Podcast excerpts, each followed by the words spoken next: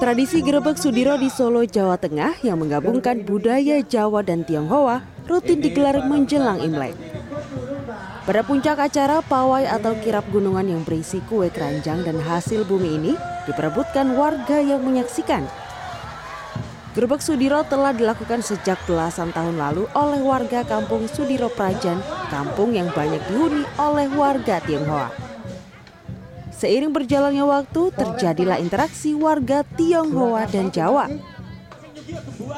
Perayaan Imlek dengan akulturasi budaya yang kental ini mengingatkan bahwa etnis Tionghoa sudah lama menjadi bagian dari bangsa Indonesia. Warga non-Tionghoa turut memeriahkan dan perayaan Imlek digelar dengan unik bahwa komunikasi atau kehidupan bersosialisasi masyarakat Sudiro Prajan itu uh, luar biasa karena memang sudah terjalin sejak dulu kala dan juga memang salah satu alasan lainnya yaitu karena sudah adanya pernikahan campur. Pernikahan campur yang kami maksud ini adalah pernikahan dari etnis Tionghoa dan juga etnis uh, pribumi. Perayaan Imlek seperti ini tidak terbayang bisa dilaksanakan di Indonesia beberapa puluh tahun lalu. Saat itu perayaan Imlek dilarang.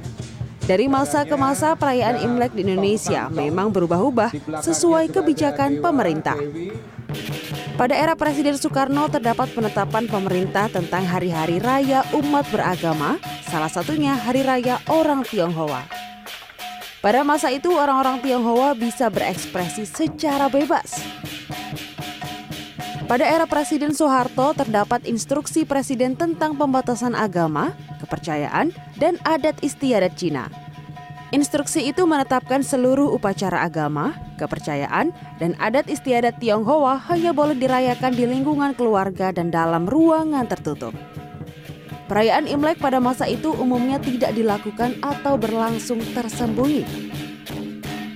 Pada era Presiden Gus Dur, terdapat keputusan Presiden tentang pencabutan instruksi Presiden sebelumnya. Sejak dicabutnya impres itu, masyarakat Tionghoa mendapat kebebasan lagi untuk menganut agama, kepercayaan, dan adat istiadatnya secara terbuka. Pada tahun 2001, Menteri Agama mengeluarkan keputusan tentang penetapan Hari Raya Imlek sebagai hari libur nasional fakultatif. Dan pada era Presiden Megawati, Hari Tahun Baru Imlek ditetapkan sebagai hari nasional melalui keputusan Presiden.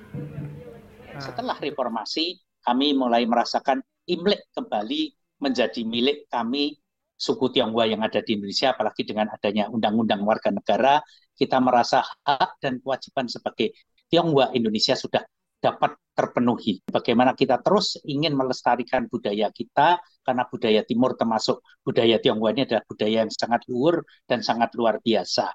Sehingga kami berharap akan menjadi akulturasi budaya di Indonesia memperkaya budaya Nusantara itu. Di belakangnya ada Arca akan kita lewati khususnya. Kini warga bisa menyaksikan kemeriahan Imlek di setiap tahunnya.